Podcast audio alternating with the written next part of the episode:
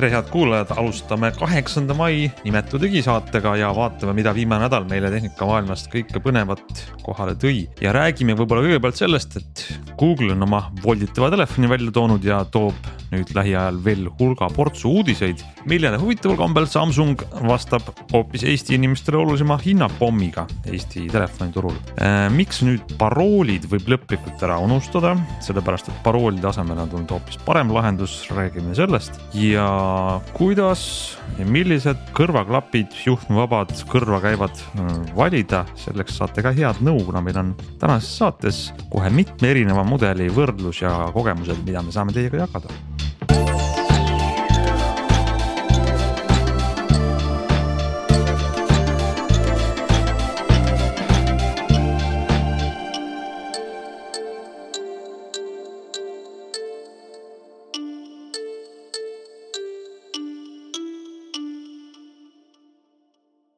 no nii, hakkame saatega peale ja nagu ähm, ma ei öelnud sissejuhatuses, siis täna on meid siin neli. traditsioonilisel kombel Hans Lõugas, Henrik Roonemaa, Glen Pilver ja Meelis Väljamäe. ja nagu ma ütlesin, siis võib-olla vaataks kõigepealt sellele peale, mida need tehnoloogiaettevõtted siin uudistena äh, suurele uudistenädalale ette vaadates on juba välja reklaaminud. Google Fold ehk Volt voltimine, voltima on see telefon, mille Google siis teatas, et äh, toob välja. näidates ühte mm, väikest reklaamvideot, aga mingeid fakte veel täpsemalt avaldamata. sest et Google Fold peaks siis ähm, päriselt avalikuks saama nüüd äh, paari päeva pärast toimuval Google I.O suurel aastakonverentsil, nagu iga kevad on. aga Fold Äh, no mis me ootame, kas nad on lõpuks seal, kus on äh, Samsung, Huawei ja mõni teinegi. Äh, volditava telefoni turul ja teevad nüüd siis võib-olla midagi ägedat või, või ei, mis sa arvad, Meelis? esimene asi, mulle tundub, et nad teevad jah midagi pigem sarnast Aasia tootjatele kui Samsungile, sest et see Fold meenutab oma kuju poolest rohkem näiteks Oppo N2, mis on selline natukene kompaktsem volditav telefon ja mis käib siis päris nagu kaks külge käivad üksteise vastu, kus nad kokku voldid, erinevalt Samsungist, kus jääb selline väike nagu õhk jääb natuke vahele, eks ole. aga kõige kurioossem minu arust on selle juures see, et nad on kaks aastat seda teinud ja me ei tea veel praegu, mis see sisu on, eks sisu võib olla natuke vananenud. eriti arvestades, et Samsungi telefon tuleb ka mõne, mõne kuu pärast või paari kuu pärast välja uus. aga tundub mulle niimoodi, et kui nad ütlevad, et see hind ikkagi päriselt saab olema tuhat seitsesada üheksakümmend üheksa dollarit, mis tähendab seda, et Eestis saab ta olema üle kahe tuhande euro, siis eh, noh, on selge, et eh, Pixel on niigi nišitoode, siis see jääb nagu eriti nišitooteks ja ja sellisel juhul on ka selge see, et nad ei tahagi seda suurtes kogustes müüa, vaid see jääbki nüüd arendajate pärusmaaks, et need eh, inimesed, kes on kas tõelised fännid või siis tõesti tahavad nagu teha nii-öelda voolitava ekraani peale töötavaid äppe, neid seal testida, et need selle võib-olla ostavad ma ütleks siia võib-olla kirjelduseks lihtsalt, kuna meil pilti nagu ei näita raadiosaade väga hästi, et see, see Fold on siis selline telefon, mis on kinni panduna nagu tavaline telefon, tavaline suur telefon ja lahti võetuna on ta siis seitsme koma kuue tollise diagonaaliga siukse peaaegu nelinurkse ekraaniga tahvel ehk noh, põhimõtteliselt jah, nagu siis Meelis juba mainis, siis nagu Samsung Galaxy Foldi analoog, mitte siis Flipi, eks ole, mitte see painduv ekraan, mis läheb siis taskus sul hästi tillukeseks, vaid see painduv ekraan, mis läheb sul taskust väljas hästi suureks. Ja, ja muidugi pildi pealt ikkagi ma pean ütlema, et ta muidugi kavalalt on seda pildistatud, aga ta näeb välja ilus, ta näeb tõesti välja selline õhuke, ta näeb välja väljast ka suhteliselt sellise suure ekraaniga, et võib-olla Foldi puhul, nüüd Galaxy Foldi puhul eelkõige, no viimase mudeliga läks see paremaks, aga, aga Galaxy Fold oli sihuke hästi kitsukene kuidagi ja, ja see välimine ekraan noh, pigem oli selline pikk ja kitsas, siis, siis jätab see Google'i telefon sellise nagu noh, nagu keegi oleks võtnud kaks iPhone'i ja, ja need kokku otsapidi pannud, et küll ei ole siin tõesti ühtki pilti, kui paks ta nüüd täpselt on, et ega ilmselt kokku panduna ta ikkagi väga õhuke ei ole. et ta on tegelikult äh, meenutab, ma ütlen, et ta on siis see, see esiekraan on, eks ole, laiem ja madalam, kui on just, Samsung, just. tunduvalt ja jah. sellepärast äh, ta meenutabki mulle, kui tahate nagu pilti mm -hmm. või võrrelda, siis see Oppo N2 on väga sarnane sellele minu arust ja mm -hmm. On seal midagi ühist tehnoloogiliselt.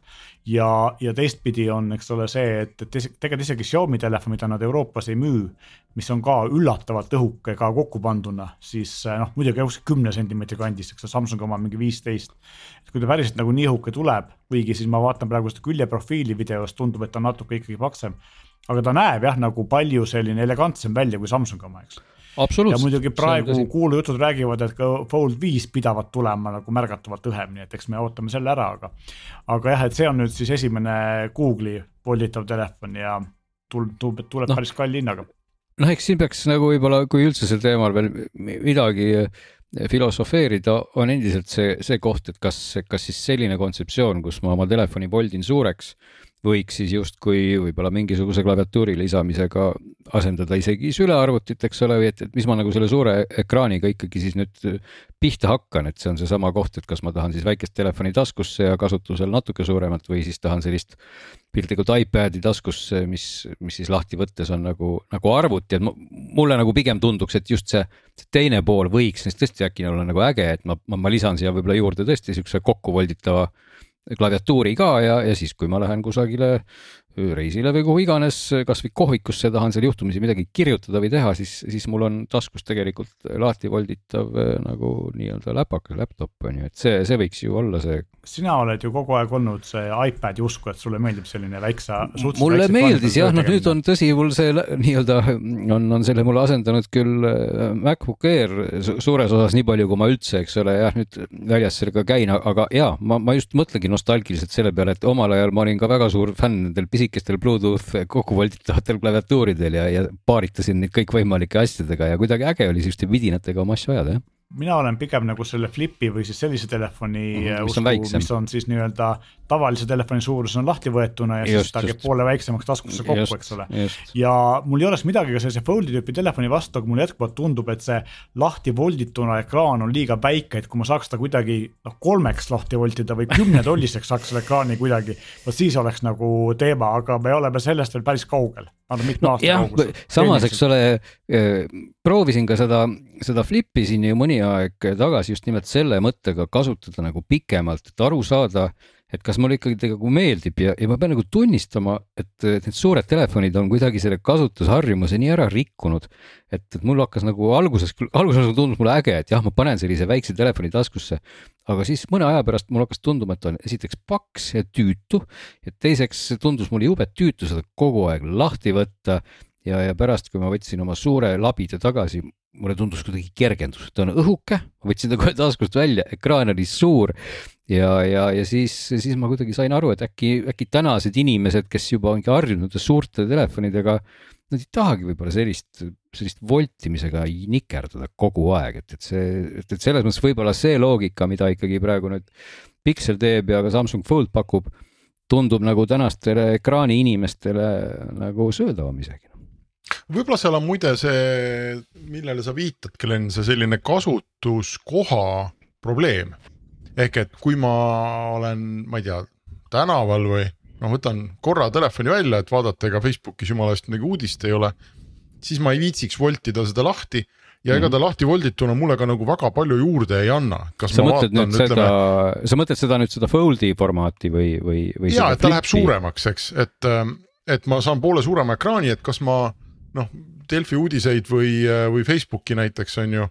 ei, seda, seda küll, aga ma korra segan vahele, ma tahtsin. mul on ükskõik, aga, aga ja, suuremat aga... mul on vaja siis, kui ma, ma ei tea, kui ma, ma kujutan ette, et kui mul oleks pidevalt kuskil istumist, eks, et minu mm, -hmm. ma, ma ei tea, ma olen äh, Äh, lennukis või, äh, või ma ei tea, minu töö on istuda järjekordades et aga siis ma võtaks midagi muud tõenäoliselt kaasa, kui mul on ikkagi Kas, nagu pidevalt vaja ma, suuremat ekraani. ma olen sinuga täiesti nõus, ma tahtsin siia vahele nagu öelda veel seda, et, et selle Flipi vormi puhul, noh, ütleme siis sellise nagu väiksema telefoni taskus, suurem väljas puhul, just minu jaoks ka nii nagu tüütu see, et kui ma tahan selle tänaval võtta korraks välja, et midagi sealt vaadata, mis iganes see on ja ma pean ta kogu aeg lahti flippima siis see oli nagu jube tüütu ja sellepärast mulle praegu tunduks, et kui mul on nüüd taskus selline Foldi tüüpi telefon, millel ikkagi see nii-öelda põhiekraan on mul suur, siis ma tänaval olen rõõmus oma suure telefoniga ja kui ma tõesti istun seal kuskil lennuki, lennujaama check-in'is või kus iganes ma siis tahan kaua istuda, et siis ma teen tõesti sellest suure, veel suurema ekraani lahti, et, et ma just nagu tahtsin pigem öelda seda, et võib-olla tänasesse maailma sobitubki selle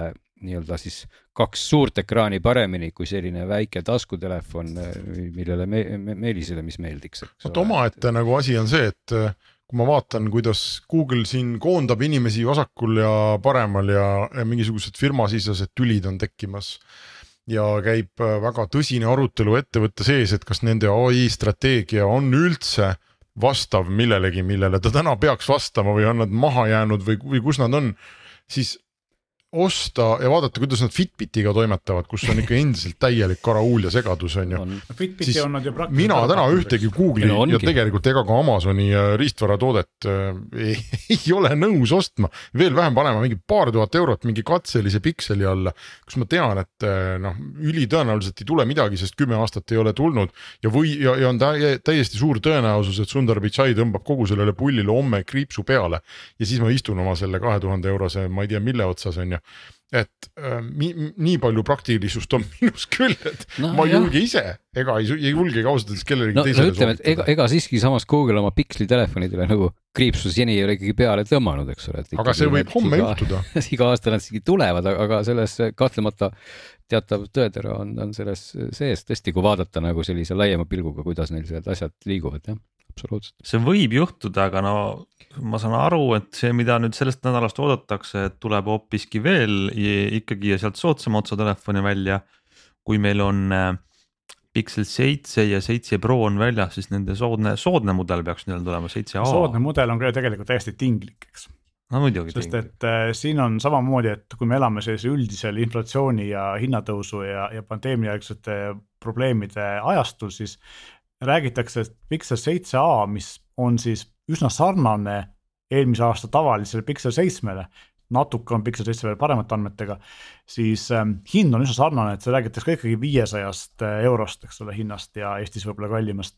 eelmine aasta, eelmise aasta kuu, Pixel kuus A oli kuu nelisada viiskümmend eurot tõsi, uuel on nüüd üheksakümne hertsine ekraan tõenäoliselt, vähemalt nii nagu lekked väidavad ja, ja samuti kas juhtmevaba laadimine, aga, aga samamoodi, sama on ka sellel pool aastat vanemal Pixel seitsmel, mis praegu on soodushinnaga odavam, eks ole, kui see uus telefon peaks tulema, nii et kuhu, mis nissi see nüüd siis paigutub, ei oska öelda ja kui me siin eelmine nädal mina tegin, tutvustasin siis äh, Samsungi Galaxy A54, mis on, peaks minema vastu nüüd sellele Pixel seitse A-le, eks ole, hinna poolest, siis Samsung tegi vahepeal äh, vähemalt siin meie regioonis suure liigutuse ja alandas selle Pixel viiskümmend neli, Galaxy viiskümmend A viiskümmend nelja hinda äh, üheksakümne euro võrra ja sellise neljasaja euros, väga hea.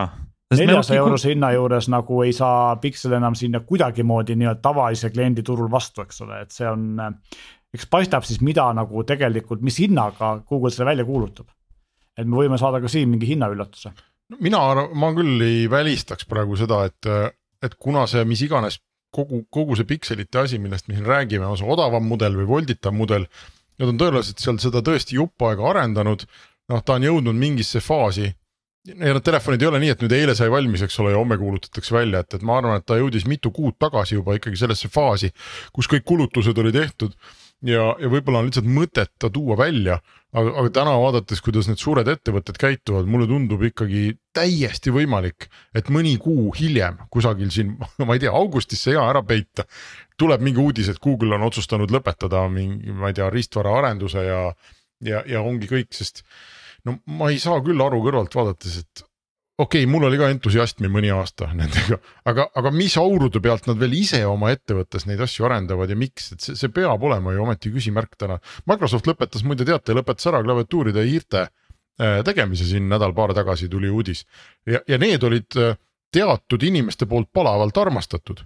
Neil oli see ergonoomiline klaviatuur, milleta, ilma milleta mõned inimesed ei oska üldse arvutit kasutada. ja ikkagi tõmbasid kriipsu peale, sest et lihtsalt äh, ei ole mõtet ta seal ja Ütle, et, ma saan täitsa aru nendest. mina sain sellest uudisest teistmoodi aru. nii, mina sain sellest aru nii, et nad lõpetavad Microsofti brändi all tootmise ja kõik asjad tulevad tulevikus Surface'i nimega. Aa okei okay., mina sain aru, et nad ikkagi tõmbavad lihtsalt kriipsu peale ja siin levisid mingid petitsioonid või sellised internetis, et saadeti linke üksteisele, et kust veel saab nii-öelda laovaru endale soetada, et kui keegi armastab mingit, mingit hiirt või klaviatuuri, et siis osta noh, kümne aasta, viieteist aasta varu. see, et kui aastat kümme tagasi olid Microsofti klaviatuurid ja hiired igal pool müügil, siis viimaste aastate jooksul ma ei ole neid mitte kuskil müügil näinud, et igal pool on ikkagi Logitech ja, ja teised konkureerivad tootjad, eks ole, et võib-olla nad ei saanud enam turuosaks piisavalt väikseks, et neil polnud enam mõtet siis. aga no Microsoft teeb ikkagi ka ju oma ju nagu sa ütlesid, Surface'id ja, ja ka laptop'e vist ka minu teada, nii et äh, vähemalt brändib neid on ju. ma arvan, et ka see on selle Google'i telefonistrateegia taga, et äh, me teeme Androidi, maailma üks populaarseim operatsioonisüsteem. teeme siis ka neid piksleid justkui nii-öelda mitte, et saavutada turuosa, aga aga et kui me teeme no juba oli... rehve, siis teeme ka ühe auto, mis nendega sõidab ja... näiteks, näiteks. selline... Hans, kas sulle tundub, et see on rehvifirmade selline valdav nagu strateegia maailmas või? ei olnud hea paralleel rehvidega, aga no ütleme, et nad teevad rehvi, et no selline strateegia on Google'il ju jah, ja ma tahtsingi sama öelda, just ma tahtsingi sama öelda, et ega siis sel teemal ilmselt me oleme siin ka läbi aegade heietanud ka pikalt, et ega kõik firmad, kellel noh, põhimõtteliselt läheb mingisugusel alal hästi ja Google kahtlemata on üks nendest firmadest, paratamatult satuvad ühel hetkel sinna olukorda, et nad nagu piltlikult löövad pea vastu lage ära, sest nad tahavad vaadata, mis veel kõrgemal on või, või teise kohta ja, ja teha siis midagi uut või ja, ja siis avastada, et et kurat, et see ei tule neil üldse jälle välja, aga samal ajal ei saa öelda, et neil justkui nagu raha ei oleks, sest et see, see nii-öelda baasvundament siiski töötab ja, ja tiksub hästi, aga vaja on ikkagi ju teha ka midagi uut ja huvitavat, sest noh, kui sa kogu aeg äh, nii-öelda eladki ainult oma nagu otsingumootori peal ja võib-olla on sul seal mõned keskkonnad ja ja, ja noh, siis pildis olekuks ikkagi sobib selline volditav telefon ju väga hästi, et noh, olgu see siis noh, kallis või mitte või ta on nagu äge või noh, sama, samamoodi nagu siin, eks ole, Elon Musk teeb kogu aeg Teslat ja, ja on pildis, eks ole, ja ega vaja on ikkagi ju nii-öelda nagu noh, teha, teha ennast huvitavaks, ma ütleks, et see on ka see koht, mida Google ikkagi üritab siis edukamalt ja vähem edukalt ikkagi teha. Mina üritan nagu või pooldan nagu ikkagi seda teooriat, et nii Google'i kui Microsofti puhul eh, see telefonide arvutite tootmine on selline asi, kus nad üritavad siis nii-öelda äh, harmoniseerida tarkvara ja riistvara nii palju, kui see vähe, kus neil õnnestub ja näidata siis nii-öelda partneritele, et milline see nende nägemus ühest mm. Windowsi või Androidiga töötavast seadmest peaks olema, eks ole. Eh, varem oli see konkreetselt nii, kui oli siis Nexus nimelised eh, telefonid, aga Pixliga nad ilmselgelt üritasid ka nii-öelda tavakasutajani jõuda. Nad on ka tegelikult mingil määral jõudnud, ka meie räägime siin sellest, eks ole, rohkem kui tavaliselt võib-olla, aga. aga jah, et nende müügiedu ei ole muidugi nii suur olnud, kui nad ilmselt ise lootsid. aga, aga ma, ma tahaks samas... ka öelda Google'i kaitseks seda, et tegelikult ikkagi see tarkvaraline pool ja graafika on ilus, et, et pikslitelefonide nii-öelda see puhas Android või siis ka, mida kasutavad siis need odavamad telefonid osad, eks ole, tegelikult see on väga-väga sümpaatse ja, ja, ja toreda kasutajaliidesega, erinevalt nii mõnestki teisest tootjast, kes siis üritab nagu hästi kuidagi ära mäkerdada seda kasutajaliidest, nii et selles mõttes Google teeb seda hästi ja tegelikult ka ka riistvara poole pealt ikkagi jõudnud nagu mingisuguse täitsa kena minu arust, eks see on maitse asi ja sellise äratuntava disainikeeleni. on ja, ja nii et ei, ei tahaks öelda, et tahaks mitte jagada, Henrik, sinu pessimismi ikkagi, las nad teevad, noh vaata kui ilus. no nad teevad, on tegelikult hästi oluline selleks, selle poolest, et, et noh, mujal maailmas on see vähe noh, ka ohuks, aga Eestis on see eriti suureks ohuks, me ikkagi oleme siin astumas suure seitsme perikoorma saabastega selle duopoli poole, kus meil ongi Apple ja Samsungi kogu lugu, eks ole, ja mm, -hmm. ja see ei oleks üldse mitte hea no pluss ka loomulikult hiinlased on ikkagi ka. no hiinlased võivad ühe poliitilise liigutusega siit turult kadunud olla. et me praegu näeme, mis jah, et me just äh, näeme seda, noh, Nothingul ka, eks. aga me näeme seda, et Oppo ehk siis PBK, OnePlusi, Oppo ja Vivo omanikfirma peab äh, Euroopa erinevates kohtutes võitlust Nokiaga, et Nokia nõuab nüüd litsentsi maksmist, mida nad maksta ei taha ja võib juhtuda, et see selle tulemuseks ongi see, et kogu see grupp peab oma äri Euroopas kinni panema, mis oleks ka nagu väga väga kurb, eks ole, ja järgmine nädal näitab näiteks Huawei meile oma uusi telefone, mis Hiinas on väljas, nüüd tulevad Euroopasse ja noh, no, seal on omaette probleemid, et 5G meil ei ole, just, just, just.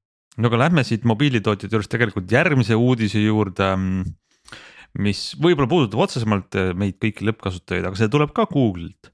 mina sain paar päeva tagasi Google'ilt ühe emaili, mis äh, rääkis mulle midagi sellest, et nüüd äh, ma saan kasutusele võtta Passkeys ja, ja palus mul minna siis ühte ähm, Google'i setting utesse, kus eesti keeles selle asi nimi oli pääsuvõti.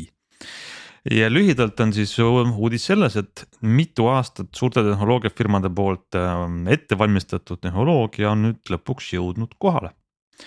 pääsuvõtmed ehk passkeys on siis, peaks olema selline turvalahendus, kus on ähm, mingi turvaline seade, selleks võib olla näiteks mobiiltelefon kus ennast, ennast autendite ja siis edasi järgmistesse saitidesse oma arvutis, sülearvutis, ükskõik kus mujal logite sisse niimoodi, et seal enam parooli kasutama ei pea, et ühe korra logite siis oma selles põhiseadmes, mis teil kaasas on, näiteks mobiiltelefonis sinna Google'i kontosse sisse turvaliselt. ja edasi ma lähen arvutis, soovin kuskile lehel siseneda Google'i kontoga.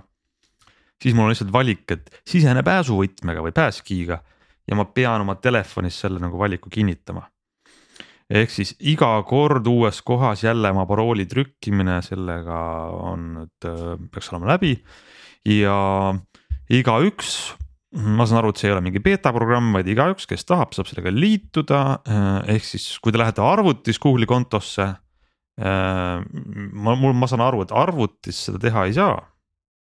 Kuigi vist ka saab, aga mul ütleme soovituslik on teha näiteks telefonis. ei saab ikka arvutis, ega ma, ma saan ikkagi nii aru, et, et noh, et sul noh, kuna seos on siin Google'iga, siis arvutis peaks nad sul nii-öelda selles Chrome'i profiili all olema, et, et, et noh, näiteks Maci kasutaja ei saa kasutada neid pääsuvõtmeid, mis on siis iCloudi noh, kuidas ma ütlen, iCloudi võt-, võtme, võtmepääslas. Ehk et oluline on see, et, et see on kindlasti Chrome'iga seotud ja siis peaks täitsa toimima. ei, aga ükskõik, kus sa saad sisse logida, mitte ainult Chrome'is. ei, jah, seda küll jah, seda, seda küll jah, aga, aga kui sul läheb, noh, ma saan sellest jutust põhimõtteliselt nii aru, et, et kui sa äh, kaotad oma arvuti ära või sinu Chrome'i profiiliga midagi juhtub, siis sa ei saa taastada neid just see oligi mu mõte, et mitte, et arvutis ei võiks pääsuvõtit luua, mõte on selles, et see on siis üks seade, mis tuvastab ka teised. sellepärast ja, on mõistlik ja, näiteks ja. telefonis teha see, et äh, telefon kannad alati kaasas, arvutit ei kanna. aga ja. kui on koduarvuti, mida korduvalt kasutada, võib ka sinna selle pääsuvõtme teha, et logida ja, siis. just praegu proovisin, sest mina ka aktiveerisin just. oma konto peal selle pääsukoodi ja skännisin mingit QR koodi oma telefoniga siin varem. ja siis ta sidus selle ära minu Windowsi ilmselt sisse logimisega, nii et kui ma praegu logisin oma Gmaili kontolt välja, logisin uuesti sisse, siis ta ütles kasuta pääsuvõtit ja viskas mulle selle peale ette Windowsi parooli ja kui ma selle sisestasin, siis ma olingi seal sees. jah, kujutage ette, et see pääsuvõti pääski on selline tükk, äh, tükk saladust, mis jääb sinna arvutisse nagu sisse. ja, ja mõte ongi see, et kui sa oled, ma ei tea, võõras arvutis, sõbra arvutis, ükskõik kus kohas ajutiselt siis sinna on väga mugav sisse logida, sa ei pea parooli trükkima, sa kiidad paned oma näiteks meiliaadressi ja kiidad telefonis selle heaks. aga oluline, et siis sinna ajutisse arvutisse võõrasse ei tasu oma pääsuvõtid maha jätta nagu, kuna see on, see on isiklik asi, muidu peab hakkama seda eemaldama sealt uh,. mulle tundub, et see nagu kontseptsioon nõuab natukene tegelikult selgitamist, sellest arusaamist, mis see ikkagi on, kus see on, see sõna pääsuvõti eesti keeles on noh, mis ta, mis see tähendab, on ju aga kui see asi läbi teha, võtta kasvõi viis minutit, teha endale see pääsuvõti, harjutada sisse logimist siis ta kindlasti muudab no, äh, kogu seda parooli. mina, ma ei tea, ma tegin ka ja selle ma, läbi ja minu jaoks oli see mm. täpselt selline protsess, et ma läksin Google'is, Google'is mingile lehele, pidin trükkima oma parooli ja siis kinnitama, et jah, nüüd ma tahan siin telefonis. ja siis Google ütles selle peale okei okay,, see kõik läks kinni ja ma ei saa mitte midagi aru ja ometi ma teen siin saadet, kus ma peaks seda inimestele seletama. mulle tundub see ikka selles mõttes täiesti haige tehnoloogia, et. aga äh, samal ajal tasub ka, mina nagu lähenesin nii, et, et ma lugesin ka läbi Oota, Google'i nagu nii-öelda abi, mis on eesti keelest, et jumala arusaadav, ma sain sellest täitsa isegi aru, et. sa õppisid ka progema natukene Glen selle käigus.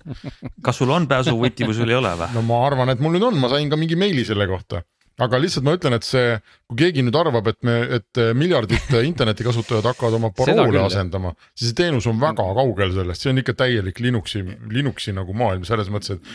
mulle tundub, et see põhimõtteliselt töötab ja võib-olla on isegi tore, aga, aga noh, ma, ma ei ole suuteline seda seletama ka oma ma ei tea, tuttavatele või pereliikmetele, mis pagan asi see on ja kus see on ja, ja mis, kuhu mu parool nüüd läks või mitte midagi ei saa aru, et selles mõttes see UX-i pool on ikka täielik müsteerium aga samas ju samme sa ei pea rohkem tegema, eks. kus mina tean, mida ma pean tegema, ma pole õrna aimugi. kas ma võin oma paroolid ära kustutada või ma ei, mitte midagi ei saa aru, kui ma järgmine kord tahan Google'isse logida aa no aga siis proovi järgi, sest mina proovisin pärast selle tegemist siis nagu nii-öelda võõras arvutis, võõras brauseris, mis siis päriselt juhtub. ja see kogemus on sihuke, et noh, et palutakse, et sinu kontol on pääsuvõti telefonis, too oma telefon siia ja põmm nii, ma kohe on... teen, te kuulete, ma trükin. nii, nüüd me oleme tunnistajaks sellele, kas aga, tuleb aga, hakata ise Ninuxit kompileerima või? kõik, mulle öeldakse enter your password ja No siis- try another way on siin. ei, aga, aga Ants, sa võid siis kirjeldada, on et kuidas see, ma kuidas see kirja, et protsess mul on see aktiveeritud. ma ei tea, aga, ühesõnaga, aga, aga ühesõnaga Ants, kui sina kui nagu praktik äkki kirjelda siis veel kord väga nagu samm-sammult ära, et kõik saaksid täpselt nüüd aru, et kui sa lähed võõras brauserist sinna sisse ja mida siis sa oma telefoniga teed, kuidas see välja näeb, see protsess? no sa pead ähm,, see protsess näeb välja näiteks selline äh,, ütleme, sa oled siis võõras arvutis, tahad oma näiteks Google'i kontoga oled selle Just. pääsuvõtme teinud. just, parooli sa ei tea Vaata. peast, nii, ei tea, selle see on juba vana asi just, e,. login sisse oma kasutajanime või siis selle meiliaadressiga ja siis palub ta, tahab ta mu telefonilt selle pääsuvõtme nagu luba, et ma siis kinnitan selle sisse logimise. ja teeme siis, ma teen siis ka samal ajal nii-öelda sünkroonis, et ma sain jälile sõbrad, kui me räägime siin UX-ist. kuna Nii. Ma olen ju tegelikult Chrome'is Google'isse sisse logitud ja ma ei hakka ometi keset saadet sealt välja logima, ma tegin seda eelmist katset Firefoxis ja järelikult, kui sa oled öö, peast progeja, siis sa saad aru, et aa, võib-olla see Firefoxis ei tööta või äkki mul oli mingi plugin seal peal, mis kuidagi keelas selle töötamist mm. -hmm. nüüd ma tegin seda Chrome'i incognito aknas ja tõesti öeldakse, et use your passkey. just, mul on täpselt sama, kasutage mul siis millegipärast eesti keeles. kasutage turvavõtit ja nüüd ma pean, see, see on nagu veider osa, et äh, see arvuti, kus ma üritan sisse logida. kus on see, ta teab, et mul on turvavõti kuskil, nüüd näitab ta mulle QR koodi. ja, ja see on nagu see koht, et äh, oota, aga mis ma pean hakkama QR koodi nüüd skännima oma telefoniga ja mul oli vastus on jaa. on ju, et see on see koht, kus siis on niimoodi, et, et kas tõesti, aga kui ma siis telefoniga olen ära skänninud, ütlen telefonis okei okay, ja see ei ole mitte nupuvajutus, vaid sõltub siis, see turvalisus on tegelikult selle minu telefoni nii-öelda biomeetria, olgu mul näiteks Face ID või siis sõrmejälje tuvastus telefonis, et, et noh, võõras inimene, kes ka minu telefoni võtab, ta ei saa sealt lihtsalt vajutada okei okay,. vaid seal peab veel siis ennast tuvastama selle siit telefoni on- enda lukuga minu arust on siit puudu üks oluline samm, et ma pean telefonis käsitsi avama selle QR koodi lugeja ja siis seda skännima, eks ole, et ta ei viska meelis. mulle ette seda teavitust, et skanneeri nüüd siin või viska, tee kaamerat lahti, on ju. et see võiks nagu ka olla, ma pean teadma, kus ma leian omal telefonis QR koodi lugeja. no see tegelikult noh, ei ole nüüd nii uus tehnoloogia, pigem on probleem, et ta on nii vana tehnoloogia, et noh, et see QR koodi lugemine on sihuke. oota, aga mis nüüd saab, kui ma telefoni ära kaotan? kui sa nüüd oled selle teinud äh, näiteks oma iPhone'i. Siis on sul võimalus, see salvestub ka sinna iPhone'i keychain'i, keycloud. Just. ma pean olema nüüd veel iCloud. suurem itimees ja aru saama, mis pagana asi on mingi iCloud keychain ja kuidas ma sinna saan ja, ja ei, ei, ei no selles mõttes vaata no mõlemal on see siis Chrome või on see iCloud või, et mõlemad ju salvestavad sinu andmeid, mis siis selle passkey'ga on seotud, eks ole, noh, et selles mõttes, kui sa oma telefoni ära kaotad, saad sa ka selle noh, autentida ennast mujal seadmest, kui see on olemas, noh, ma saan nii aru. noh, ostad uue telefoni, siis läheb kalliks küll, aga no,. ei no uue telefoni sa pead niikuinii ostma, kui sa telefoni ära kaotad, minu mure on lihtsalt see, et, et kas ma saan äh,. alustame nüüd siis ka sellest, et kui ma teen uue, uue telefoni ja ma ei- mitte ei taasta back-up'i mis iganes põhjusel, vaid ongi uus telefon. siis kuidas ma saan Google'i, Google'isse sisse logida, kui mu parool on, peab olema telefonis, mis on Google'isse sisse logitud. et see tundub mulle kõik väga, ühesõnaga kindlasti on olemas mingi lahendus ja ma ei ütle, et see üldse ei tööta. minu, minu nagu sõnum on see, et see on mingi väga segane asi äh, antud hetkel. no ütleme nii, et et sul on, sul on alati võimalus taastada see keychain, kui see on sul telefonis, ütleme, see ongi see probleem, kui sa ainult arvutisse oma pääsuvõtme teed ja arvuti ütleme, ei ole kuskil pilve varundatud, siis, siis ta nagu ei toimi. aga telefonid, me üldiselt usaldame ju seda pilve, mis on siis Apple'i iCloud või Google'i enda siis pilveteenus, kuhu kõik taastub, et.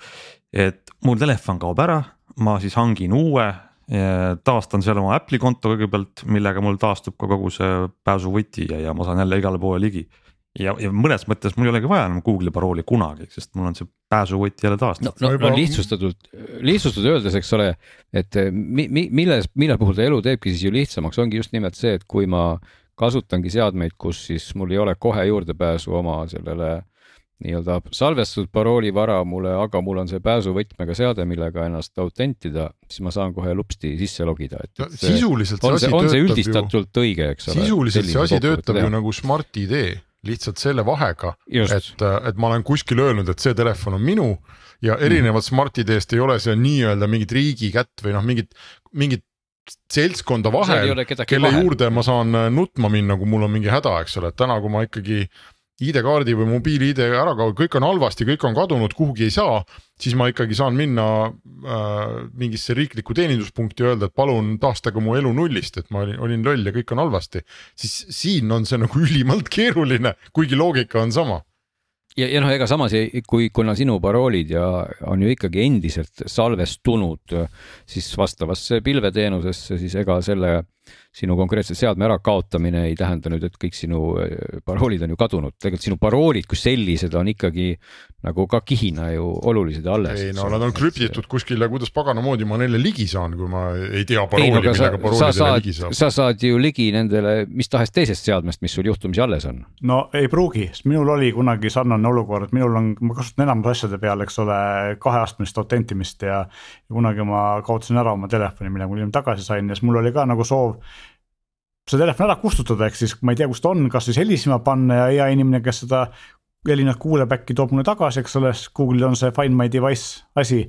ja siis tuli välja, et, et kuna mul on ähm, Google'i konto, mille kaudu ma seda teha saaks, kaitstud kaheastmelise autentimisega mm. selleks teiseks võtmeks, teise astmes on mu enda telefon, mis kadunud on, see oli nagu sa ei saanud sinna kuidagi sisse ja lõpuks ma ikka sain, siis mul tuli meelde, kus ma hoidsin oma nii-öelda neid tagavarakiisid, aga kui neid ei ole, siis on nagu päris keeruline. aga kas, kas sellisel juhul siis, kui sa nüüd oma arvutist, ühesõnaga no me räägime võib-olla selles mõttes erinevatest asjadest, et, et sa tahad oma telefoni ära kustutada teistpidi, aga kui sa noh, sa saad ikkagi ju oma paroolidele ligi ka ju mujalt, kui sul on juurdepääs oma Google'i kontole mujalt olemas. Täiesti kui realistlik on. olukord on, et sa lähed äh, reisile ja tõmmatakse ära seljakott, arvuti ja telefoniga. väga mm. -hmm. täiesti no, ei ole jah. mingi nagu superharuldane asi, et. seda küll, kui sul on kõik need kadunud, siis on asi pahasti, just, siis on kadunud jah. Jah. et äh, ja see isegi teebki turvaliseks, et sa ei saa sisse. jah, mul on ammu tekkinud tunne, et ma peaks parooliga. hakkama, ma peaks ostma kuskilt äh, ähm, mingisuguse suhteliselt kahtlases seisus äh, noh, sellise, ma ei tea, kasvõi katkise ekraaniga iPhone'i mm. Igaks juhuks. panema ta lihtsalt nagu kõik kõik oma asjad sinna kodus, kõik need mm Mhm. -hmm. kaheastmelised autentimised ja kõik asjad. et kui mul see üks, üks iPhone, mida ma kaasas kannan, on ju, mis on kogu mu elu, kui see ära kaob ja ma pean selle kuskilt kaugmeetodil õhku laskma. et siis mul on mingi asi no. Kodus, mis on sisse logitud, mis teab minu sõrmejälge ja, ja, ja millega ma saan uuesti tõestada kogu sellele kaadervärgile no- et mina olen mina. Tegelikult sul ei ole vaja eraldi telefoni selleks, aga sul on vaja see läbi mõelda, kuidas sa saad oma Google'i kontosse sisse, kui su telefon ära võetakse. või Apple'i üks kontosse. uudis, üks uudis muide, mis tuli ka nüüd viimane nädal. Google'il on sihuke äpp olemas ka nagu Authenticator, mis siukseid ühekordseid pääsukoode genereerib Mm -hmm. et ähm, kui tahad näiteks Google'isse sisse logida, siis kaheastmeline tuvastamine, sa paned sealt autentikaatorist siis mingi koodi. ja uudis on selles, et nüüd need kõik pääsu, need ühekordsed ajakoodid on ka varundatud pilve. vanasti oli niimoodi, et sul see Google Authenticator äpp kadus ära ja sa ei saa kunagi taastada enam neid pagana, see võib olla igasugu ükskõik. ma olen kolm korda elus telefoni reset inud, nii et oma arust olen ja. Kõik asjad sealt niimoodi välja võtnud ja, ja noh, üles kirjutanud, eks. ja, on ja siis vajutan seda reset'i nuppu, aga see ja, ja Just. mul ongi teenuseid jäänud lukku, sellepärast et see pagana authenticator jäi sinna Jah. sisse ja ongi kõik. Ja see on hästi, see on ütleme suurim see probleem, mis on telefoni vahetamisega, aga nüüd siis Google Authenticaatoril on äh, pilve varundamine olemas. ehk siis Google'i kontoga on see seotud. et kui sa uues telefonis logid sisse Google'isse, tõmbad selle Authenticaatori äpi, siis kõik numbrid peaks seal ka olema.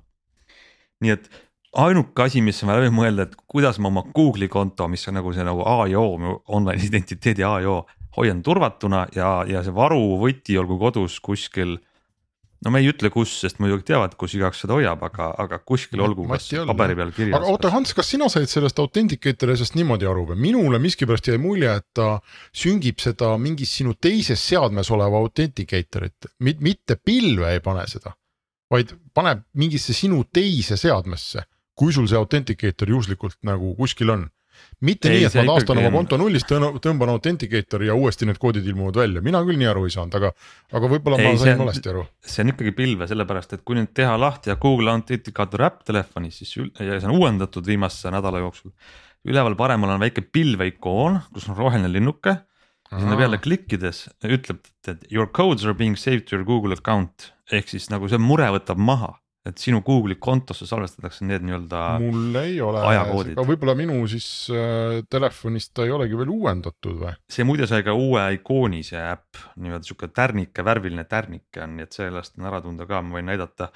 noh, ei, mul on vana hea see hall G, jaa, kusjuures minul Just. on ka hall G, ma vaatan, aga, aga minul ta ei paku Just. tõsi üldse värskendust mulle ka ei paku, no me oleme siis ilmselt mingis teises kohordis sinuga, Glen. see on Nii. tüüpiline Google'i lähenemine, kus nad nagu väga aeglaselt neid asju teevad. ehk siis passi kõik peale, et teil oleks selline kollas, punasini nagu Google'i logo värvides tärn on siis uus ikoon ja kui Google Authenticator on sellise kujuga, siis, siis ta võtab ühe mure maha, et need on varundatud need koodid. igal mulle praegu tundub, et me oleme rääkinud mingisugusest ülisegasest uudisest ja jõudnud lõpuks järeldusele, et tegelikult ei saa keegi mitte midagi aru üldse, millest me ega see on väga tähtis teema, me võiks sellest veel rääkida aga me ei saa endiselt sellest aru, ühesõnaga minu arust see kõik on mingi jube kahtlane värk. Ja, ja ma tahtsin lihtsalt öelda Eesti riigi nagu kiituseks, et mul kodaniku või interneti kasutajana, mul on super hea meel, et meil on olemas Politsei- ja Piirivalveameti teeninduslett ja ma, ma saan oma ära kadunud, õhku lastud või mis iganes nagu halvaks läinud digitaalse elu taastada ja, ja minna mingi inimese juurde ja paluda, et palun väljastame nüüd need mulle uuesti. Ja, ja see käib mulle kohutavalt närvidele kõigi nende suurte firmade puhul, millest me siin räägime. ma seda absoluutselt teha ei saa. Ja see, see tekitab minus ebameeldivaid tundeid ja ma tahaks tõesti osta mingi vana iPhone'i ja panna selle kuhugi, ma ei tea, kas pangas need seifid, kus vanasti kulda hoiti, on nagu alles või et aga ma viiksin seal ongi kõik iPhone'i. telefone täis praegu. jah, umbes niimoodi jah, et kus minu see digitaalne värk kõik sees on, ei tea. no igatahes ka kogu selle asja valguses tasub ka muidugi endiselt olla vähe, väga tähelepanelik äh, selliste sõnumite osas, mis võivad sulle saabuda Messengeri või kuhu iganes, kus siis öeldakse, et, et sinu vanatädi või vanaema tahab näiteks juhuslikult sinu mingisugust äh, salasõna nüüd teada või, või mingit sõnumit, mis sinu telefoni tuleb, sest ta tahab oma lotovõitu kätte saada või mis iganes, et, et siin hiljuti oli jällegi minu no just, ütleme minu tutvusringkonnas oli ka hiljuti olukord, kus, kus üks Facebooki konto läks pahaaimamatult kaotsi, sest et lihtsalt inimene saatis sinna peale oma mingist, mingilt Soome tuttavalt tulnud tädile päringule oma telefonisse tulnud nagu selle turvakoodi, sest et tädi väitis, et ta tahab korraks kuskile sisse logida, ühesõnaga, et see minu segane jutt tähendab seda, et, et alati tasub olla väga tähelepanelik, kui tuleb mingisugune segane küsimus kelleltki, mis võibki tunduda realistlik. Et, siis äh, ei pruugi see üldse nii olla ja igasuguseid koode ja sõnumeid, rääkimata oma salasõnadest, siis mitte kus, kusagile nii-öelda anda, ilma et see oleks sada protsenti, mis ilma seda ei tasugi üldse anda. ei, õige hoiatus ja ütleme et niimoodi, et see Google Passkey või mitte Google, üldse see pa- pa- pääsuvõtme tehnoloogia, mida teised ka nüüd toetavad. peaks maha võtma ühe nagu riski, et sa ei saa jagada sihukest koodi edasi ühe võrra, et noh mm. -hmm. näiteks sul telefon peab sealsamas juures olema, kus sa tahad sisse logida mm. -hmm.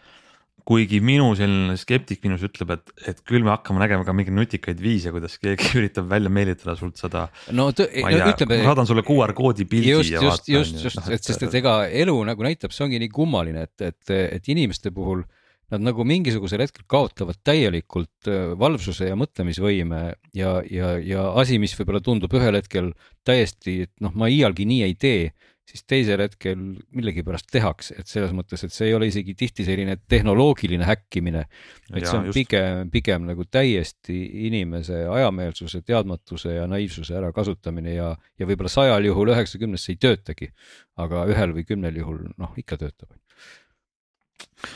nii, aga meil tegelikult oli siin veel üks Apple'i Google'i uudis ja siis on, aga me tahaks tegelikult ikkagi rääkida, lubasime teile rääkida kõrvaklappidest. Nii et võib-olla lähme tegelikult selle põhiteema juurde, sest te olete ikkagi siin ähm, kaaslased kõva tööd teinud, on nii?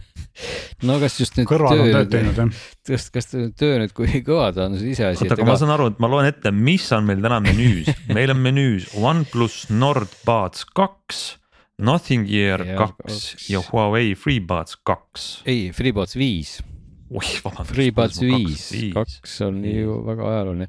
Et äh, no võib-olla siis teeme, kõige teeme üle odavam ühe, teeme üle ühe, alustame Nii. näiteks äh,, aa sa tahtsid kõige odavamast. no kõige odavamast muidugi alustaks ilmselt siis Meelis, ma saan aru, et need on nagu siis Nii. kõige, kõige, kõige säästuklapima nagu, nagu suunitlusega. Nad on kõige säästuklapimad tõesti ja, ja noh, ma ei tea, millest ma alustan, et säästuklapi võib-olla sellise mulje jätab kohe, kui sa võtad nad pakendist välja, siis see karp on nagu natuke suurem kui teised karbid.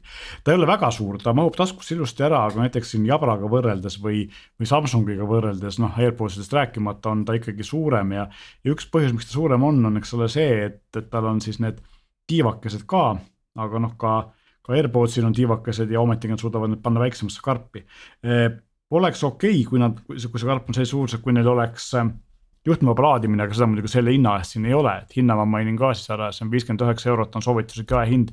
Eestis ma neid veel müügil ei märganud, aga ilmselgelt nad peagi jõuavad.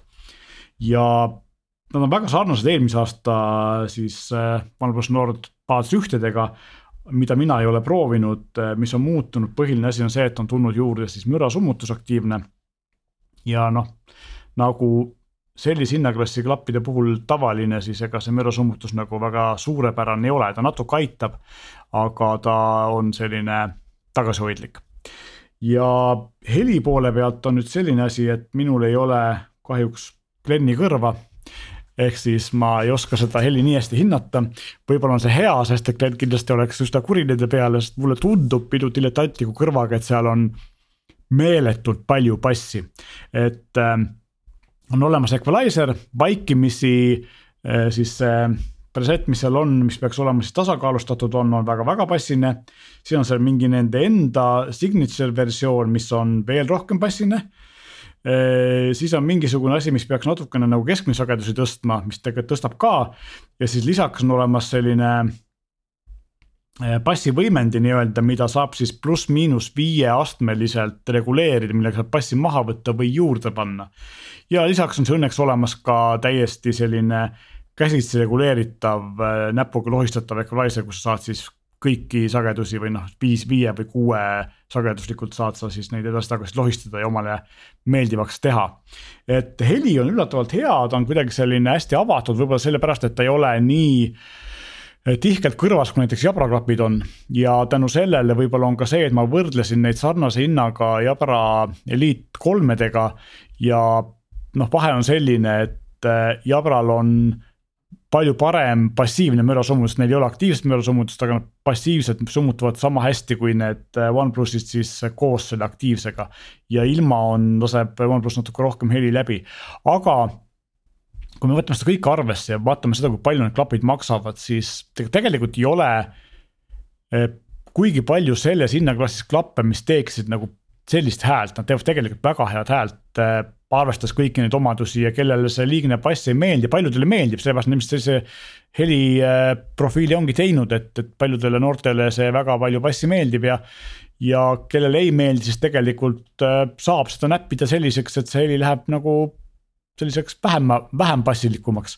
aga kas sa Ja- selle raha eest, ma nüüd segan vahele, et aga kuidas selline üldine kasutus, mugavus ja kvaliteet on, kas sa saad näiteks helivaljust kõrvaklappide pealt muuta kusjuures ja- see on nüüd põhiasi, et äh, ma olen katsetanud ilmselt noh, üsna palju klappe, aga ilmselt vähem kui Glen ja need on minul ainsad või esimesed klapid, millega mina olen kokku puutunud, millel ei saa klappide pealt reguleerida heli tugevust no,. et ma ei ole varem sellist asja kohanud, et äh, no võib-olla vanasti äkki esimestel AirPodsidel oli samamoodi., muide aastat paar-kolm tagasi oli see pigem vastupidi, mitte üheltki nööbilt ei saanud reguleerida. ma nagu ikka otsisin ja siis ma lugesin läbi Aga- kõik andmed ja siis ma äh, käisin Redditis ja siis tuli välja, et Redditis ka rahvas kirub selle üle juba eelmise mudeli No no, puhul.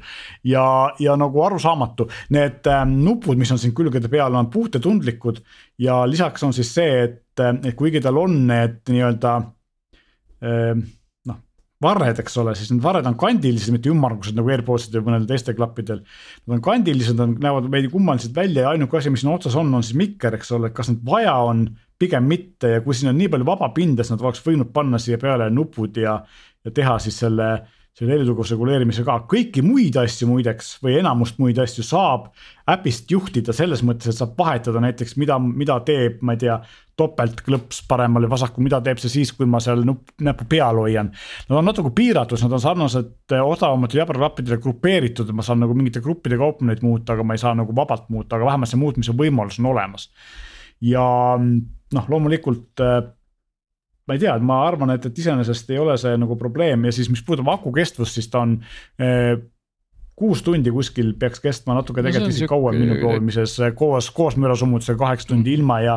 ja see karp okay., kuna ta on suur, siis ta annab neli, neli laksu veel juurde, neli, neli korda saab need klapid laislaadida karbist. kas seal on ja ka mingisugune sertifi-, sertifitseeritud ilmastikukindlus on ka või mingi? IP viiskümmend viis aga see on ka väga hea näitaja. see on, see on ka väga hea et noh, üldiselt me võime siin jonnida eriti selle helitugevuse reguleerimise puuduse üle, aga arvestades seda hinda, siis mm -hmm. tegelikult on nagu päris head klapid.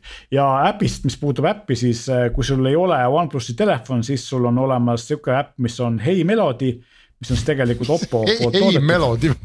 just, no Hiina tootja on Hiina nimi, eks. muide, seda ma tahaks üldse ka siinkohal öelda vahele, et et see nagu komme nimetada oma äpid mingisuguseks hei melodiks ja ma ei tea, milleks veel, kui sul on OnePlusi klapid on täiesti geniaalne, sest et noh, leida üles sobiv äpp oma klappidele, noh, see on ka minu arust on see, see, see isegi puudutab teisi tootjaid, kui ma ei eksi, kas, kas, Sony klappide äpi nimi oli ka igal juhul, kindlasti ei olnud seal nimi Sony sees. see on tegelikult väga hea, kui su klappide äpi nimi on Hey Melody, sest minul on praegu näiteks äh, telefonis vähemalt kolm, võib-olla neli äppi, mille kõigi nimi on headphones ja mm -hmm. noh, milline no, on siis milline, eks ole. aga kui seal on nagu tootja nimi, siis ikkagi on Just. nagu mõistlik. aga noh, Sony klappide nimi, äpi nimi on ja Headphones ja JBL-i äpi nimi on Headphones. ja just ja, no,, just täitsa võimalik, just, just see ei vii. Sony kaitseks vähemasti mul teisi ei ole. nimi on Sound pluss, kus ka ei ole jabra nime sees. aga Sonyga on see, et kui ma otsin oma iPhone'ist, kirjutan otsingukasti Sony, siis tuleb see Headphones ikkagi välja. et mingis, mingis kohas see ilmselt ilmselt on nagu kirjas.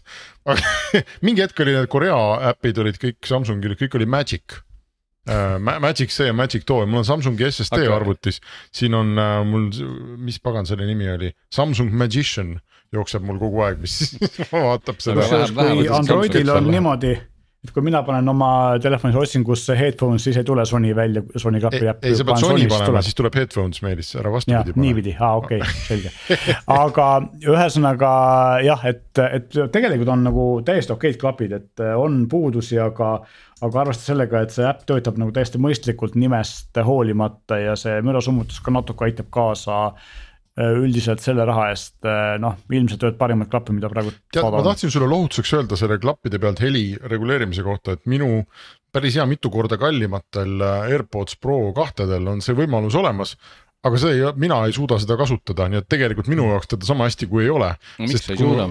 mina olen. mul on klapid kõrvas, siis mul A, kas läheb, käib see klõps, et nii-öelda heli läheb pausile Äh, või siis okay. kukub klapp kõrvast välja, aga heli veel no, üles-alla ma ei ole saanud. sa pead vist seda kuidagi libistama näppu seal. ei no seal on öeldud, sa paned kõigepealt võtad mingist kohast kinni ja siis mingi kohaga libistad, aga ma ei ma ei ole saanud aru. ma õpin nii palju uusi asju mina wow. olen igal juhul äh, nende klappidega, mida ma tavapäraselt kasutan, äh, ära harjunud sellega, et klappide pealt on mugav heli reguleerida. no vot, seal on, peab, võib ilmselt rääkidagi sellest siis, et kuidas parajasti seda tehakse, et, et kui ma ei eksi, oli see vist, oli see vist ikkagi Huawei, kes oli esimene ja tõi sellise libistamisega äh, muutuse, sest enamikel või mis enamikel, paljudel ja, ja ka täna, täna nii mõnelgi klapil ikkagi on see nii, et sa pead mingit pikka vajutust kuidagi konfigureerima, et, et ei ole nagu seda üles-alla libistamist, et, et see üles-alla libistamine AirPodsil on, aga, aga see on mingi. AirPodsil nüüd on, just, just. ja, ja, aga ma räägin, et sa pead võtma kuskilt kinni ja siis libistama, et ma ei, ma ei ole aru saanud sellest. aga eh, ma ei tea, kas siis võtame kohe sada eurot kallimad klapid ka korra vaatluse alla või? nii, millega tegu? On siis Huawei FreeBuds viied ja mõlemad on nad sada eurot kallimad, et. ma kohe nüüd küsin su käest, Glen, esimese küsimuse nende kohta ei, selles mõttes, et, et mõlemad, mõlemad on, kui ma ei eksi, on vist üks on sada viiskümmend üheksa eurot on, on letis ja teine, kas oli sada kuuskümmend üheksa või sada nelikümmend, ühesõnaga nad on, nad on põhimõtteliselt sama hinnaklassi äh, klapid ehk siis sada eurot kallimad kui need, mida Meelis ah,. jah, Nothing Air, Nothing Airid ja Huawei'd, nad on tegelikult täpselt ühes, ühes augus nii-öelda hinnaga. aga väga erinevad klapid, eks no nad on selles mõttes väga erinevad jah, et, et tõsi, kui, kui üldse nii saab öelda, et keegi on erinev, siis kahtlemata see noh, Nothing on nüüd see, see klapp, millest me rääkisime, ma ei tea, kas see oli umbes aasta tagasi või millal need esimesed tulid et, et ta on nagu välimuselt, välimuselt selline äge, et kui sa lähed nende klappidega klassiõhtule, siis sa ei lähe sealt vähemalt üksi koju, sest et nad näevad head välja ja see jäi nagu mulle kuidagi meelde. et siin ei ole kahtlemata nagu Nothing teinud ühtki järeleandmist need klapid näevad endiselt väga väga eristuvad ja kihvtid välja, sest noh, see on niisugune läbipaistev karp. Need klapid ise on läbipaistvad, karp on läinud natukene väiksemaks, klapid on läinud natuke väiksemaks kui eelmise versiooni nagu mõõdud, aga see on tegelikult marginaalne. et kõik see ägedus on neil alles ja, ja mis, mis mulle ka nende puhul endiselt väga meeldib, et, et erinevalt siis võib-olla nagu tõesti, kui nad on väga erinevad klapid, aga füüsiliselt need Huawei omad on siis sellised hästi libedad ja voolujoonelised, siis OnePlus või mitte OnePlus, vaid Nothing on siis ikkagi sellel rajal, et need klapid on üli nagu niisugused nurgelised, neist on väga hea kinni võtta, et see varras on niisugune suhteliselt kandiline ja, ja nad on niisugused nagu klassikalises mõttes niisugused head tükid, et sul jääb nagu näpp igale poole taha, aga teistpidi nad on väga kerged ja, ja nad on väga mugavad, nii et see, see. eri, erinevus on ju ka selles, eks ole, et need Nothingu klapid on siis need nii-öelda kõrva sisse käivad AirPods Pro tüüpi klapid ja need Huawei'd on sellised kõrva.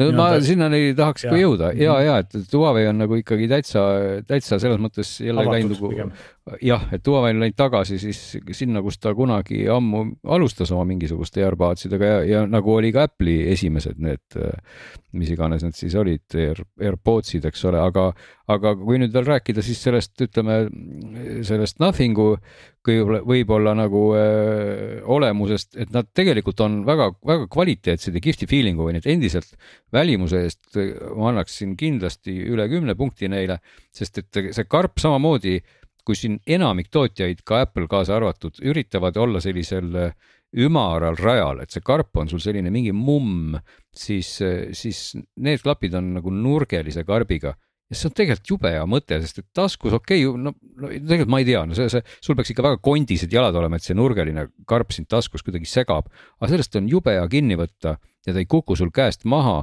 et, kui sa võtad sellise ümmarguse karbi omal kuskilt välja, siis ta lendab lupsti maha ja selle koha pealt siis kindlasti miinuspunkt Huawei'le, kelle karp on lihtsalt üks, üks ülimalt libe muna ja, ja noh, see, see, see lendab nagu kohe minema, kui sul käsi juhtumisi on kuiv. et selles mõttes disaini mõttes on see äge, endiselt on OnePlus või mul on kogu OnePlus segamini, sest kuidagi Nothing ja OnePlus olid natuke nagu ühise nimetajaga mingis mõttes, et et, et, et siin on endiselt karbil ka peal, ma ei tea, kui hästi seda siit kaamerast on näha, no raadiosaates seda kindlasti pole näha siin on selline süvend, kus ma saan nagu panna näpu sisse ja, ja kuidagi seda on väga hea on seda näppu siin sees nagu, nagu hoida ja seda karpi siit välja võtta, et see, see on ka väga hea lahendus, et ja see süvend siis omakorda hoiab neid äh, nööpe siin karbi sees.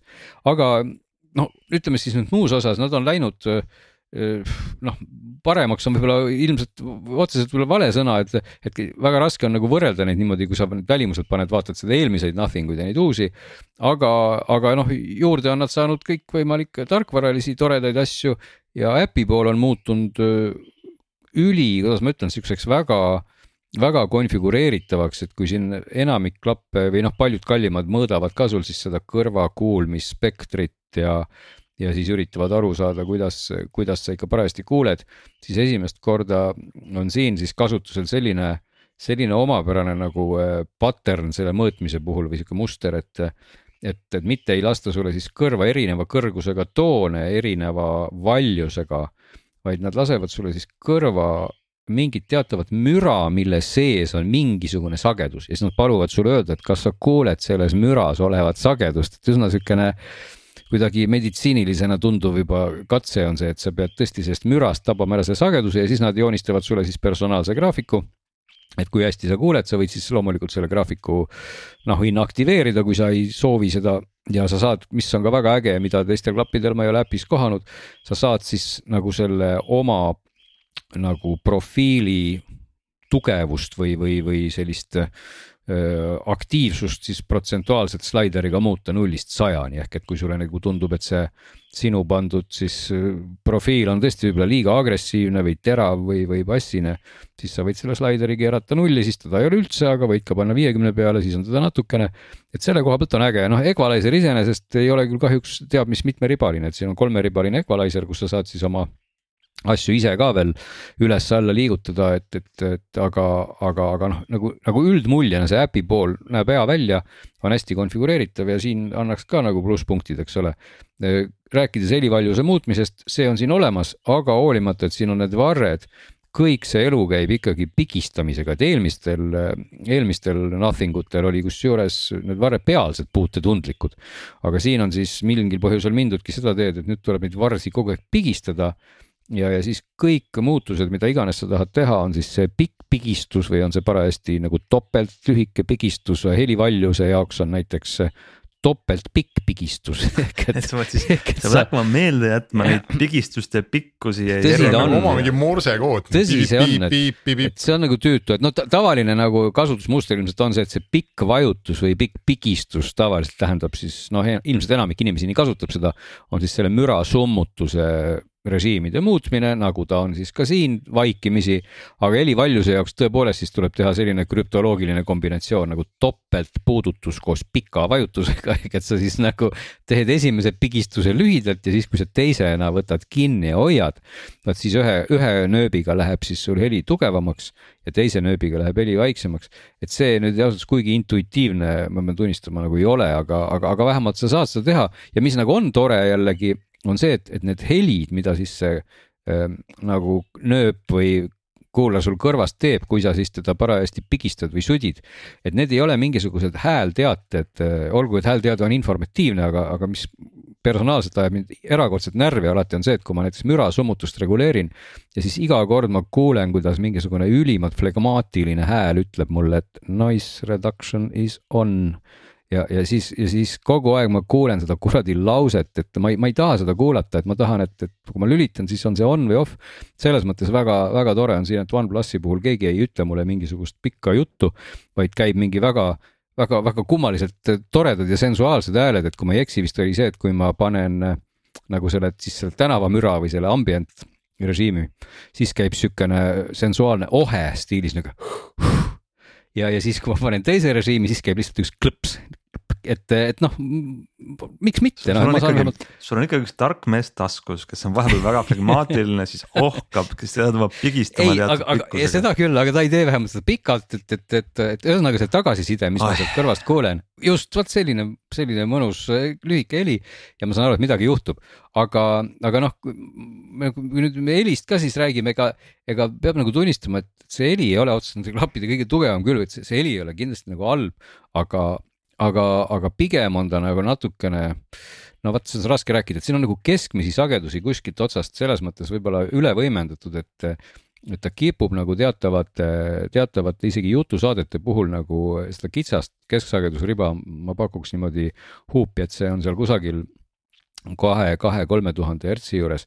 et üsna kitsalt on ta nagu natuke mingisugused imelikud asjad seal püsti, et isegi sellise üldise equalizer'iga, mis ta võimaldab, ma ei saa nagu seda sound'i pilti võib-olla nii avaralt võib-olla pehmeks, aga teistpidi noh, ta tuleb hästi konkreetseks kõik.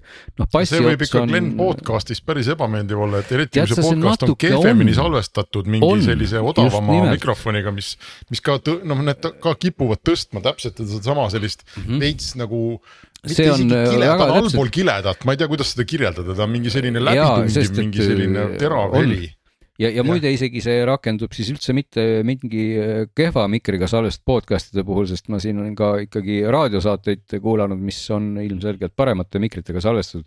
ja tõsi, ma tajusin nende klappidega, et, et, et täitsa kvaliteetsed raadiosaadete jutuheli mul hakkas natukene kohati närvidele käima ja ma ei saa seda otseselt nagu muuta, muusika puhul tõsi, see nagu otseselt ei sega, et selline nagu informatiivne kesksageduste ala võib-olla lisab sellist särtsu ja kõik, et, et siin on bassi olemas, aga see bass ei ole nüüd noh, selline üli-ülimadal, et siin, kui ma siin kiitsin, ma mäletan neid Bose'i äh, klappe taevani, et nende puhul see bass oli ülimadal just ja mõnus, et siin nagu see bass on noh, ta on sihuke kaheksakümne hertsi peal, ta võib-olla seal tümistab või saja peal, et ta, ta ei ole nagu sihuke teab mis madal, nii et, nii et üldistatuna nende klappide tugevused kõik ikkagi ei ole, ei ole või nööpide tugevus ei ole pigem see heli, vaid kõik see, mis siin ümber on, et ainult heli pärast ma ilmselt neid, neid omale ei, ei ostaks. aga teistpidi ikkagi endiselt seesama klassijuhtu jutu juurde tagasi jõudes on nad endiselt välimuselt ja feeling ult ja niisuguselt kasutusmugavuselt ja disainilt, kui me jätame see helitugevuse muutmise siit võrrandist välja. nagu kihvtid äh, kõrvaklapid, eks ole, ja kõik need igasugused IP reitingud on ka samal tasemel, kus siin vist viiskümmend neli karbil oli viiskümmend viis ehk mis tähendab siis ka tolmukindlust ja, ja, ja siis teatavat pritsmekindlust, eks ole. ja muidugi on nad sertifitseeritud, nagu ikka tänapäeval ka kombeks on, siis on siis high-res sertifitseering, LDAC koodek, eks ole. aga noh, see nagu, nagu näha praktikas, siis ega see, et seal on need high-res ja sel teemal me oleme ka siin, mina olen pikalt räusanud, et sellest ei tasu vaimustusse sattuda, kui kõrvaklapi karbi peal on mingist high-res'ist juttu. nii et äh, aga, aga siin, kui nüüd võib-olla võrrelda seda ja siis teha veel kolm sõna rääkida siis ka Huawei äh, uuest, äh, uuest klapi või nööbipaarist kui nüüd oligi see OnePlus või OnePlus, kurat, mitu korda ma seda OnePlus ütlen. Nothingu klapid olid siis sellised nurgelised ja mõnusad, siis kui siin teha see ümarkarp lahti, kui see üldse õnnestub ühe käega lahti teha, ilma et see maha lendaks, siis siit seest ilmuvad ka välja sellised, ma sikutan praegu välja, vähemalt et teile näidata. ma kommenteerin kõrvale, et, et see karp näeb välja ka selline kuidagi mingi hallikas hõbedane karp näeb välja täiesti mõttetu, ütleme otse selle välja, et, et kui Just, ma sellise karbi võtan. tekib selle karbi pärast, mul tekitab ma... Sony Walkmani aastast üheksakümmend viis või midagi. kui ma selle karbi ikkagi võtan välja sellel samal klassiõhtul, siis on selge, et, sinna ma ka üksi jään, nii et see, see, see, see karp ei oma nagu mitte mingit väärtust, küll aga see karp, ma pean tunnistama, et ta on nagu kvaliteetne, ta ei nagise kuskilt ja selles mõttes ei, ei saa öelda nagu pahasti, et materjalide mõttes, aga noh, ta on lihtsalt nagu, nagu surmigav et, et aga klapid iseenesest ei ole surmigavad, et klapid on nüüd küll sellised, sellised väga voolujoonelised juljad, mis võib-olla noh, kuidas ma ütlen, noh, meenutaks võib-olla pigem, kui need suuremaks venitada mingisugust nagu asja, mida müüakse erootikapoes et, et nad on sellised, noh, sa ei saa nagu täpselt aru, mis nad siis on, et kus see nagu pistma ta peaks ja mida ta parajasti tegema peaks. aga üks kõrv, ots tuleb siiski kõrva pista. No see esteetika näeb ikkagi välja nagu, sa võid öelda, et see on nagu tundub tugev ja tundub nagu hästi ehitatud, aga see välimus ja värv ja kuju näeb välja, et see ei ole lahe. Ei no vaat ei, tead, see pilt on ikkagi nagu petlik, et ta lihtsalt pigem tõesti, ta näeb käes välja nagu selline kummaline asi, mida võib-olla tõesti võiks pista ka mujale kui kõrva, aga ta ikkagi on kõrva pistetav ja, ja ta on noh, midagi ei saa halba öelda, see materjali valik on just hea, aga ta on ka erakordselt libe järg, järjekordselt, et kui sa võtad selle asja sellest libedast karbist välja ja karp maha ei kuku, no siis ilmselt järgmisena kukub maha see see libe asi, mis sul käes on, sest et tõesti ta on, tal ei ole kuskilt kinni võtta, ta on üleni selline, noh, ta on üleni ümmargune. aga, aga samas see on sihuke võib-olla niisugune tulevikuline, et ta on tõesti hästi-hästi selline orgaanilise feeling uga. ja muidugi, kui sa ta nüüd kõrva pistad, siis olgem ausad, et ega tal ei ole seda silikonotsikut vähemalt vaikimisi siin küljes, et ega ta kõrvas ei püsi, et eriti, eriti kui sul juhtumisi on näiteks kõrvas veel mõned karvad, no siis on olukord päris hull, sest et siis, siis on sul kõrv seest ka libe ja, ja siis on lugu paha, küll aga siin komplektis on tal, tal on sellised silikon, no kuidas ma seda viisakalt ütlen, no kondoom, noh, ma ei saa muud sõna siin kasutada, sa saad siia tõmmata mingisuguse silikon, nagu katte katte nagu ümber, mis siis selle, selle nupu peale nagu teatud avaustega jääb ja mis siis selle kõrva pistetava nupi või nupu või nööbi osa siis moondab nagu natukene nagu noh, kuidas ma ütlen, hõõrduvamaks, et sihuke hästi-hästi õhukene läbipaistev silikonkate on võimalik siia peale sikutada. aga ma pean tunnistama, et ei parandanud see oluliselt selle selle kõrvas püsimist küll, no natukene parandas ikkagi, et aga, aga, aga noh, mitte nüüd nii, et öö ja päev saabuks, et sellist erinevust ei olnud. ja see muide on nende kõrvaklappide ikkagi ka suurim probleem, et kui teil on juhtumisi kõrvad, kus nad klapid püsivad ja võib-olla siis selle silikon kondoomiga püsivad veel paremini, siis on tegelikult elu täitsa okei okay,, sest et nad on omamoodi stiilsed, näevad võib-olla kõrvas välja nagu sellised tulevikulised kõrvarõngad tilpnevad, vaata siit niimoodi sihuke tilk on sul kõrvast väljas, eks ole, läigib, erinevad värvid on, on ju, et. et aga, aga eeldus on see, et nad sul püsivad kõrval, sest et sellest sõltub esiteks see, kas nad ära kaovad loomulikult, aga teiseks ka see heli kvaliteet, sest et kui kui nad sul ikka kõrvas püsivad niimoodi lipa-lopa, siis, siis noh, see heli kvaliteet ei ole hea, aga kui sa juhtumisi saad nad kõrvas kuidagi kinni sinna kõrva, siis nad kõlavad muide väga hästi, et selles mõttes Huawei klapid üldse on enamik olnud tegelikult heli mõttes väga-väga head ja need ei ole erandid, nad kõlavad kõrvas väga hästi, aga, aga väga suure tähega aga, nad peavad olema sul kõrvas nii, et nad sealt ära ei pudene, et, et noh, minul noh, füüsiliselt ühest kõrvast lihtsalt see oli umbes kakskümmend kolm sekundit ja siis on ta jälle kadunud, et ja, ja, ja kui sa nendega kuskil tänaval veel käid või jooksed ja ta sulle ära pudeneb, see on ausalt paha lugu, et noh, parimal juhul on ta sul kuskil krae vahel, aga halvemal juhul on ta, on ta hoopis kuskil mujal, nii et. et see, see on selle disaini miinuspool, aga teistpidi ta jah ei summuta sul siis noh, tänavamüra ära, sa kuuled ilma igasuguse elektroonika sekkumiseta, et kas auto sulle sõidab otsa või, või mis parajasti juhtub. küll on siin olemas aktiivne mürasummutus, mis loomulikult ka ei tööta kuigi hästi, sest et müra kostab siia sisse ju igalt poolt vahelt, nii et, nii et noh, ma ütleks, et, et see, kas siin see aktiivne mürasummutus on või ei ole, et sellest nagu väga suurt vahet, vahet ei ole, on ju, et nii et, et kui ta, kui nüüd mulje jäi, ma kokkuvõttes on ikkagi, et ta, ta nagu hinnaklass on sama nagu siis sellel Nothing ul, aga, aga tegelikult. tead sa, ei no ma, ei, ma, ma tahtsingi jõuda selleni, et kui nüüd jääb nagu mulje, et ma kuidagi õudselt teen neid klappe või nööpe nagu maha, siis ma kindlasti seda ei tahaks teha. et ma, ma ütleks, et heli puhul, kui teil on selline kõrv, kuhu nüüd see, see väike vibraator sobib, siis on tegelikult väga-väga ägedad klapid, sest et äh, paljud inimesed, kes on öelnud, et nad püsivad nendel kõrvas, on, on tegelikult väga kiitnud ja, ja ma täitsa nõustun sellega, et, et see on, see on ülioluline eeldus, et kui on võib-olla väiksem kõrvaauk ja seal ei ole mingit karvu või mingit jama, siis nad istuvad seal kõrvas hästi, nad ei kuku maha ja nad kõlavad tõesti täiesti hästi, siit saab helivaljust muuta mõnusasti libistades, ei pea midagi pigistama, saad selle, selle kõrvarõnga peal üles-alla näppu liigutada. nii et, nii et nad ei, kindlasti ei taha nagu jätta kokkuvõtet, et nad oleks nagu halvad, et nad kõlavad hästi, näevad teistsugused välja ja teistpidi, kui sul võib-olla ei meeldigi see tunne, et see kummiotsik sul seal noh, nii-öelda siis isoleerib kuidagi sinu kõrva, eks ole siis tegelikult ei, ei ole halvad, on ju, aga, aga, aga noh, jah, peab kindlasti arvestama sellega, et sellist aktiivset mürasummutust sellisel tasemel siit ei tule. ja, ja noh, see välimuse pool nüüd kogu see libedus ja, ja karbi ümarus ja võib-olla kõik need jutud, et, et, et kahtlemata ta kuidagi noh, ta ei ole jah, sihukene nagu selline nagu noortepäraselt äge, nagu siis kindlasti on Nothing'u sihukene noh, sihuke tehnokraatlikum feeling, eks ole, ja muide häälteated on endiselt siis Huawei puhul ka ikkagi sellised, et, et see on just, just see näide, et kui ma siis hoian näppu siin pikalt all, siis ütleb mulle ikkagi noh, sensuaalselt kõlab naise hääl, aga teeb seda erakordselt pikalt ja teatab siis parajasti, kas minu mürasummutus on sees või väljas, mis on ausalt öeldes nagu tüütu. nii et, et selline no on siis see, see ülevaade, et jah, et, et nüüd Siuksed, äh, küsida, et jah, et kui, kui nüüd öelda, et kas, kui nüüd selle odavama puhul Meelis kindlasti andis sellise väga süvarohelise tule, siis äh, nende mõlema puhul ma nagu ütleks natukene, et et noh, tuli on niisugune võib-olla vilkuv kollane, läheb siis roheliseks või punaseks vastavalt inimese enda prioriteetidele, et, et, et Huawei puhul on heli hea, kui need klapid või nööbid on sul kõrvas hästi ja sulle see see libe ja tilgakujuline feeling siin kõik meeldib ja, ja Nothingu puhul heli võib-olla saame siin-seal norida, aga see-eest nad on väga ägeda feeling uga, näevad head välja, need on nagu noh, mugav käsitseda, ütleme siis. oled sa proovinud kellelgi neid Huawei klappe, kellel on samal ajal kõrvas ka kõrvarõng, et kuna see klapi ots käib täpselt selle koha peal, kus tavaliselt käib kõrvarõngas ja siis see on jällegi, seda ma tõsi, ma ei ole proovinud, ma ei ole seda proovinud, küll olen siin ühe naisterahva käest küsinud, kellel oli, ma sain aru, nendega mingisugune kogemus olemas ja kes nagu kuidagi ütles, et temal need kõrvast ainult välja ei kuku kuku.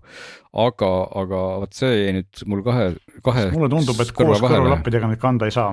või kõrvarõngastega, eks ole siis. kõrvarõngastega, just. just, just, et see, see võib no, täitsa nii olla, täitsa nii olla, ma saan hea. aru, Ants, et, et sa tahad nüüd meie kõrvaklapi jutu ära lõpetada, et no muidu me ei, ma arvan, et väga, väga hea pilt on ja lõpuks on väga palju, kui ikkagi on maitse üle ei vaielda, et kas see hõbedane on, on, on ilus või mitte, nii et seda saab siis vaadata nii see on, mõlemad on, mõlemad on kolmed... kahtlemata erinevad, mõlemad on Just. väga, väga eristuvad, eristuvad tooted, jah. ja see on tegelikult, tegelikult ongi, ongi parim, kui on tooted on eristuvad.